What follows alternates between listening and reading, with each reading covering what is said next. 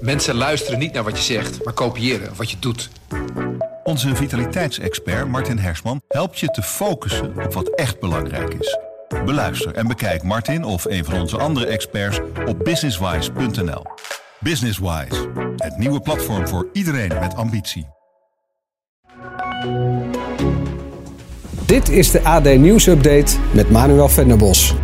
Gevaccineerden die toch in het ziekenhuis belanden vanwege corona hebben bijna allemaal een onderliggende aandoening.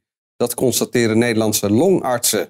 Leon van der Toorn is eh, voorzitter van de Vereniging van Artsen voor Longziekte en Tuberculose en werkzaam als longarts in het Erasmus MC. Eh, in de ziekenhuizen liggen dus eh, nu nagenoeg net zoveel ongevaccineerden als gevaccineerden met corona.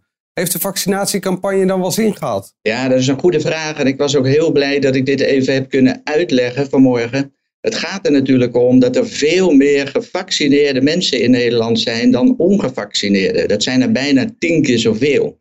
Dus als je dan ziet dat er ongeveer evenveel mensen in het ziekenhuis liggen die gevaccineerd zijn als ongevaccineerd, dan betekent dat niet dat vaccineren niet werkt, maar dat er een heel klein kansje is inmiddels, als je gevaccineerd bent, om toch weer in het ziekenhuis te belanden. Ja, een tien keer zo kleine kans dus. Uh, welke klachten heeft uh, de groep gevaccineerden waardoor, waardoor, ze dan toch met corona in het ziekenhuis terechtkomen? Ja, dat is een hele belangrijke vraag. We hebben dat ook uitgebreid uitgezocht via de longartsenvereniging. Alle ziekenhuizen doen daar aan mee. We zien dan dat degenen die gevaccineerd in het ziekenhuis liggen, bijna allemaal mensen zijn die wat ouder zijn en die comorbiditeit hebben. Oftewel, er is sprake van een wat brozere gezondheid. En dat betekent dat bij hen, want zij zijn natuurlijk begin van dit jaar allemaal gevaccineerd, ja, dat er een klein kansje is dat het vaccin een klein beetje minder effectief aan het worden is. En dus meer kans om weer met corona in het ziekenhuis te belanden. En eigenlijk is dat hetzelfde beeld als wat we al anderhalf jaar zien. De corona-infectie, zoals mensen in het ziekenhuis liggen, ja, ziet er eigenlijk altijd hetzelfde uit. Ja, maar als je dus oppervlakkig kijkt en niet, niet zo goed die cijfers uh, bestudeert, dan uh, ja, kun je dan begrijpen dat mensen denken van nou, eh, er liggen net zoveel gevaccineerden als ongevaccineerden in het ziekenhuis.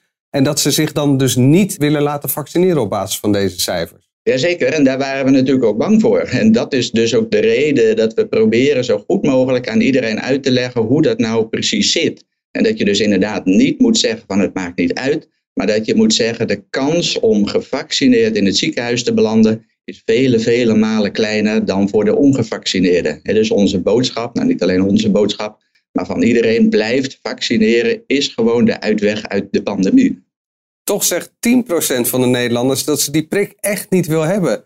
Hoe kunnen zij zich in de toekomst beschermen tegen COVID? Ja, ook dat is een goede vraag. We zien, ehm, om het zo maar te zeggen, verschillende soorten ongevaccineerde mensen. Er zijn ongevaccineerden die het echt niet willen dat is inderdaad die groep van ongeveer 10%. Maar er zijn ook veel twijfelaars. Nou, die groep proberen we natuurlijk geleidelijk steeds meer over de streep te trekken. Natuurlijk ook degene die echt niet willen, maar dat zal moeilijker zijn.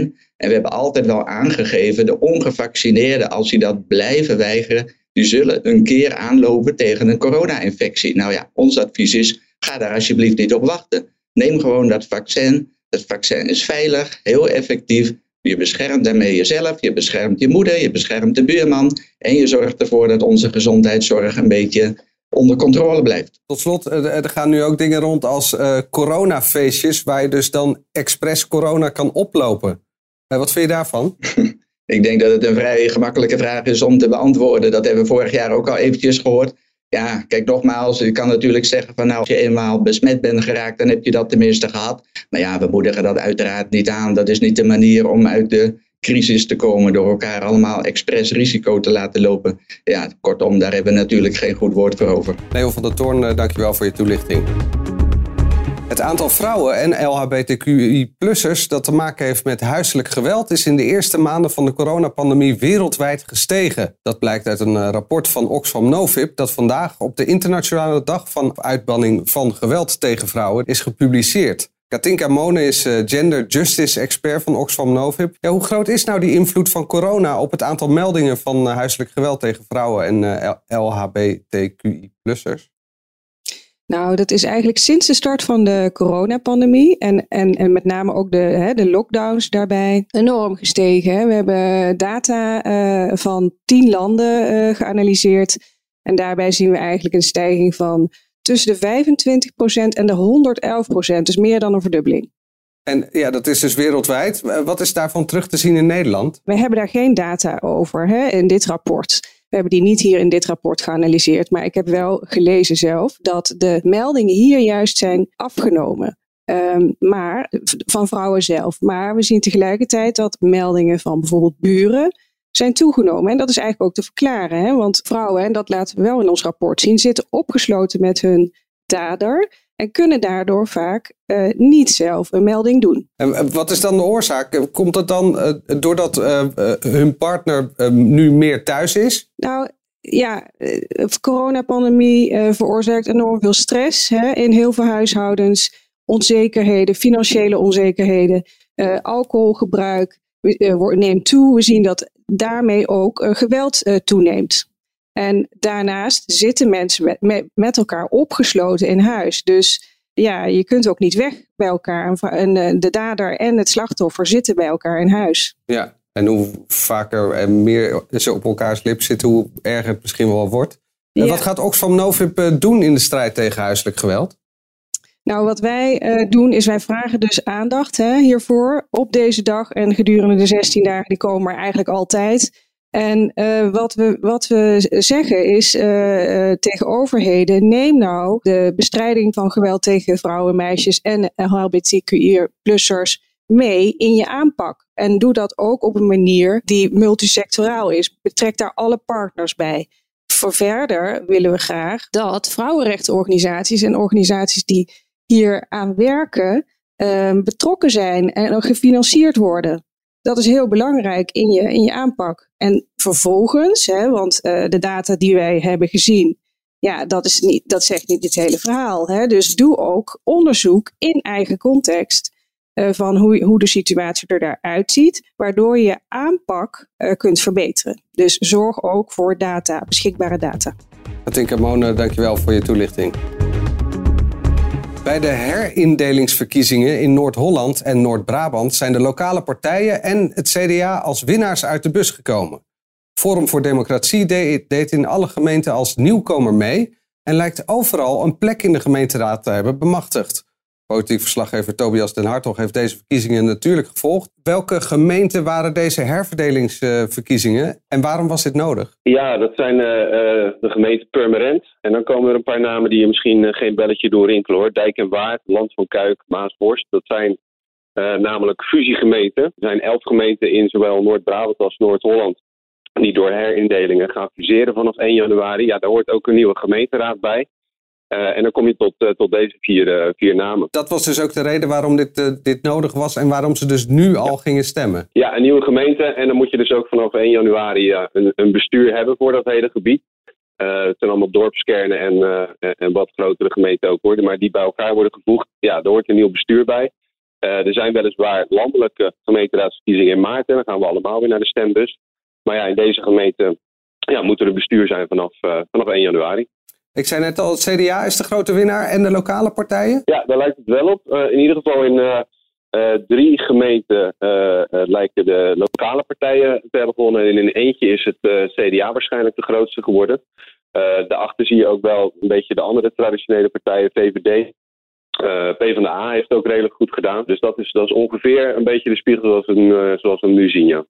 Forum voor Democratie deed in alle gemeenten als nieuwkomer mee. Hoe, hoe hebben zij het gedaan? Ja, ook als enige nieuwkomer kan je zeggen. Want uh, er zijn natuurlijk meer uh, nieuwe partijen aan het front gekomen dit jaar. Bijvoorbeeld uh, BBB, die allemaal bij de Tweede Kamerverkiezingen een plek in, in het parlement hebben bemachtigd. Maar die hebben niet meegedaan aan deze lokale verkiezingen. Forum wel, als enige. Ook heel hoog ingezet, flink campagne gevoerd. Maar dat lijkt toch niet ja, tot klinkende resultaten hebben geleid. Althans, het is maar net hoe je bekijkt. Het glas is half vol als je zegt, ja, we hebben zetels uh, gehaald. Namelijk uh, drie, twee en twee keer één zetel. Dus in al die gemeenteraden hebben ze een plek of plekken weten te bemachtigen. Mm-hmm. Maar als je kijkt naar uh, bijvoorbeeld Purmerend, daar was de partij in 2019 bij de provinciale statenverkiezingen de grootste partij. daarna bij de Europese verkiezingen de tweede grootste partij bij de Tweede Kamerverkiezingen de vijfde grootste partij en nu de negende partij. Ja, dat is toch niet echt een klinkend resultaat. Nee, dan zou je het weer een verlies kunnen noemen. Je zei het net al, in maart zijn uh, echt de gemeenteraadsverkiezingen. Uh, nu zijn deze elf samengevoegde gemeentes. Hebben we daar een uh, lokale uitslag van? Wat zegt dit nou qua barometer over de landelijke politiek? ja, heel veel en heel weinig, denk ik. Je ziet de lokale partijen. Ja, dat is een beetje een lastig antwoord. maar de, de lokale partijen hebben flink gewonnen. Dat zag je bij de vorige gemeenteraadsverkiezingen ook. Dat was in het hele land het beeld. Dat lokale partijen het daar goed, uh, goed deden. Uh, dus dat lijkt zich bestendig. Hè? Dat lijkt zich nu weer te vertalen. maar ik vind het wel opvallend dat het CDA het best redelijk heeft gedaan. Dan kun je wel zeggen. waar het CDA het grootste is geworden, dat is Noord-Brabant. En daar doen ze het altijd goed. Maar toch, het is een partij die behoorlijk op zijn gat lag dit jaar. Dus ehm, ja, die, die hebben niet opnieuw een afstraffing gehad dan in zeg maar hun hardcore achterbanland. Dus dat is op zich een, eh, een klein tekentje dat ze het redelijk hebben gedaan. Nou moet je wel zeggen, dit waren 250.000 mensen uh, die hun stem mochten uitbrengen. Waarvan nog niet de helft het heeft gedaan. Dus het is maar een heel klein, ja, kleine weergave van wat Nederland denkt. Ja, dan nog even naar de actualiteit in Den Haag vandaag. Het OMT komt bij elkaar. Wat staat er te gebeuren? Ja, een beetje het bekende coronatreintje, zoals dat in uh, Haags jargon heet. Uh, het OMT is al bijeen geweest gisteravond. Die vergaderen dan en dan gaat Jaap van Dissel uh, een advies maken dat naar de minister gaat, minister De Jonge gaat. dat wordt ja, ergens nu denk ik in zijn mailbox verwacht. En dan komt er vanmiddag weer een, een katshuisberaad met de meest betrokken ministers. Voorafgaand aan de persconferentie van morgenavond. Ja. En als dat uh, coronatreintje dan uh, gestopt is, met welke maatregelen moeten we dan uh, rekening houden? Ja, pak pen en papier. Nee, dat is een grapje, want ik, ik, we, we weten het oprecht nog niet. De Haagse ingewijden waar wij op, opbouwen in dit soort dagen, die, die weten het ook echt nog niet. Dat hangt helemaal af van de, van de toon en de strengheid eigenlijk van het OMT. Normaal zitten nog wel wat politieke keuzes bij, van doen we dit wel of doen we dit niet? Wat is ja, de sfeer in het land. Maar nu, nu leunen ze toch wel heel stevig op, uh, op, uh, op het advies van het OMT. Ja. ja, en dat is er gewoon nog niet. Maar eh, ik heb naar jullie podcast geluisterd, Politiek Dichtbij. En daar hinten jullie ook al naar een lockdown. Moeten we daar rekening mee houden? Ja, dat is wel dichterbij dan dat dat niet gebeurt. De kans daarop is wel, wel redelijk groot. Of dat echt een hele harde lockdown wordt, dat weet ik niet. Eigenlijk hebben wij twee soorten lockdowns gehad. Een hele harde lockdown in december van vorig jaar. En een wat, uh, ja, wat lichtere lockdown uh, een periode daarvoor. Ja, je zou kunnen zeggen dat uh, die lichte lockdown sowieso wel reëel lijkt. Maar ja, hoe licht of hoe zwaar die precies wordt, ja, dat hangt echt van het OMT af. Ja, en dat horen we dan morgen. Tobias ten Hartog, dankjewel voor je uitleg. Loop jij rond met het gouden business idee? Of het nu een winkel is, een app of een product waarmee je de wereld wil veroveren? Dan is Droomstart de kans voor jou. De ondernemer helpt je jouw droom om te zetten in actie. Ga nu naar droomstart.nl en meld je aan. Mensen luisteren niet naar wat je zegt, maar kopiëren wat je doet. Onze vitaliteitsexpert Martin Hersman helpt je te focussen op wat echt belangrijk is.